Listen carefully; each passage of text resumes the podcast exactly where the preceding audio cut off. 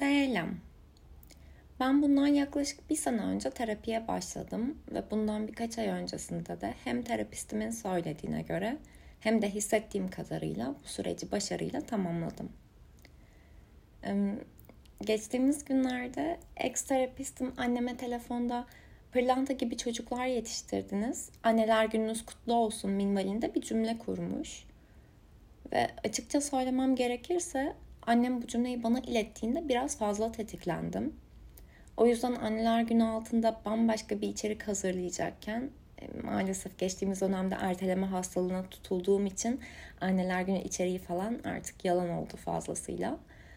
Ee, neyse işte ben hala bu bölümü anneler gününe yetiştireceğime inanırken bir anda geri kalan her şeyi silip yalnızca bunun üzerine düşünürken buldum kendimi.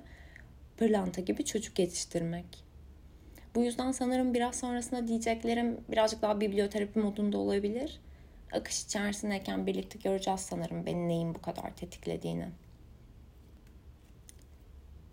Pırlanta gibi bir çocuk yetiştirmek genellikle arkadaş ortamlarındayken çok konuştuğumuz bir konu oluyor. İdeal ebeveyn kimdir?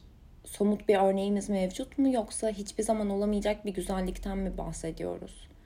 Bir çocuk ne ister, ne bekler? Biz bu beklentileri karşılayabilecek halde miyiz? Eğer öyleysek bunu stabil tutabilir miyiz? Yani aslında bu konuyu her seferinde konuşup her seferinde de büyük bir ısrarla net doğrular bulamamak alışılabilen bir şey. Tabii ki kafamda günden güne şekillenen birkaç doğru var ama bunlar da zaman içerisinde değişmeye mahkumlar. Bir de bu pırlanta cevher benzetmelerinde biraz fazla kutsallaştırma olduğu da bir gerçek mübalağa sanatının varoluşunu özetleyen bir şeydir belki de kutsallaştırma. Yani şey gibi edebiyat hocaları teşbihi belli, tecahül arif gibi söz sanatlarından bahsederken sıra mübalağaya gelince e, gömlek üzerinden bir mübalağa yapacağımız zaman bile tamam onu Tanrı'nın favori gömleği gibi anlatalım diyor gibiler bu zamana kadar bunu kullanmayan ve mübalağa sanatını öğrencilerime nasıl aktarabilirim diye düşünen bir edebiyat hocası varsa aramızda tabii ki bunu çalabilir. Mesela hocaların velilerle birebir görüştükleri toplantılarda en sevdiği cümlelerden biri o çocuğun içinde bir cevher saklı. Bu noktada öğretmenlerle ebeveynleri birbirlerine çok benzetiyorum. İkisi de adeta coğrafyası güzel ülkemize Turkey denmesi gibi el kadar çocuğun etinden kemiğinden kendine pay çıkartmak istiyor. Çilekeş ülkemi ve gariban çocuklarımızı bir saniyelik anma. Bu bir saniyelik anma içinde düşüncelerim şuna kaydı. Bu öğretmen ebeveyn benzerliği belli ki bana dair bir tespit değil. Hatta bir tespit değil. Çünkü eti senin kemiği benim hocam gibi bir zihniyetin taklalar atıp birbirine high five çaktığı bir toplumda belli ki ciddi büyüklükte bir ortak paydada buluşuyorlar. Yani kim bu cevher? Bulanın büyük ödülü ne gibi sorulardan sonra adeta çocukken Kral Oyun ya da Oyunlar Bir gibi sitelerde oynadığımız altın madencisi vari bir sessiz yarış başlıyor ebeveyn ve öğretmen arasında. Bakın matematikte hiç yanlış yapmadı. O bir cevher. Bakın kimsenin gerginlikten yanıt vermediği basit soruya o doğru cevabı verdi. Çünkü son bir haftadır ona çok güzel davranıyordum.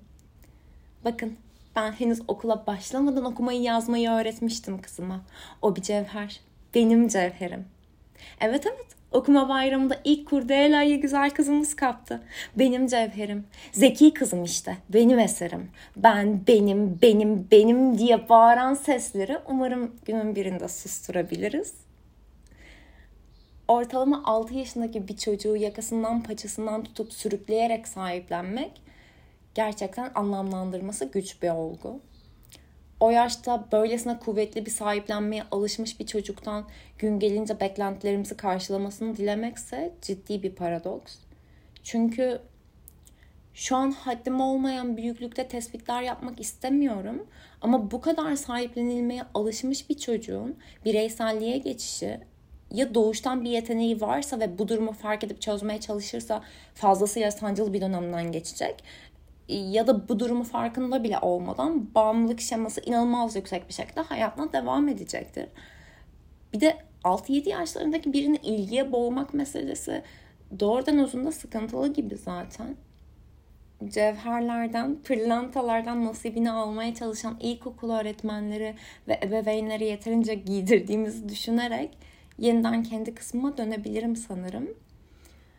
Bir bölüm kaydedecek kadar beni tetiklemeyi başarmış olan pırlanta gibi çocuk yetiştirmek lafını izninizle biraz daha deşelim isterim. Çocuk yetiştirmek lafı bana oldum olası çok büyük geldi. Bu büyüklüğü de kafamda ister istemez hadsizlikle eşleştiriyorum. Her ebeveyn hadsiz midir tartışmaya açık bir konu ama benim şu anki düşünceme göre %100 çocuk yetiştirdiği iddiasına sahip her ebeveyn biraz hadsiz. Evet maalesef. Çocuktan tüm sorumluluğu alıp sanki ebeveyn tek başına ıı, bir pul koleksiyonuna falan başlamış da bunun sonucunda aferin ne kadar da sabırlısın ne güzel iş çıkardın gibi tepkilerle karşılanıyor olması bana okey gelmiyor açıkçası.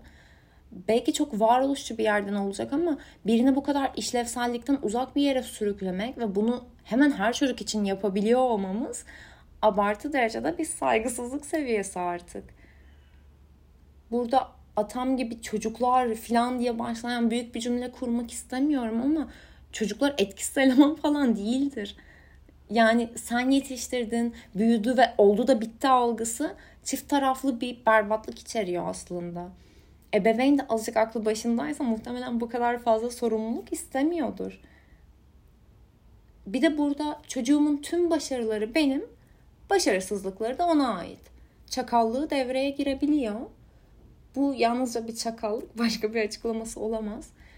Kısacası ruh sağlığı fena olmayan bir ebeveynden bahsettiğimiz bir senaryo bu. Çocuğunuzun en iyi eğitimleri almasını sağladınız. Henüz yürüyemiyorken en iyi kreşlere yolladınız. İstediği oyuncakların hepsini aldınız. Sevdiğini düşündüğünüz tüm yemekleri önünde hazır ettiniz. Onu en ufak bir hastalıktan sakındınız. Üstüne üstlük kendi ana babanızdan kalma travmalarında hiçbirini çocuğunuza kusmadınız. Belki elinizden gelenin bile fazlasını yaptınız. Hatta çeşitli fedakarlıklarla kendinizi kurban ettiniz onun başarısı için. Ve bunları yapmış olmanıza rağmen çocuğunuz herhangi bir pırlanta ya da cevhere dönüşmedi. Sanırım bu saatten sonra yapılabilecek tek bir şey kalıyor. Onu koşulsuzca sevmeniz. Böylece belki bir pırlantaya sahip olmayabilirsiniz ama sizinle çekinmeden hemen her şeyini paylaşacak bir çocuğunuz olabilir. Ve kim bilir belki bu özgüvenle çocuğunuz bir gün kendi pırlantasını kendi ortaya çıkarır ve siz de onu takdir edersiniz tüm bunlar yaşanırken. Başa dönecek olursak sanırım benim bu kadar etkilenmemin en büyük sebebi de tam olarak bunun azlığından şikayetçi olmamla alakalı bir mesele. Hatta muhtemelen bir şekilde çocukların varoluşunu değerli bir kısma koyduğum için aniden bu lafı işitmek bir saldırı gibi hissettirdi.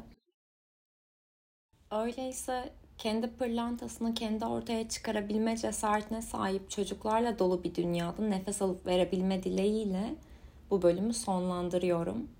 Beni dinlediğiniz için çok teşekkür ederim.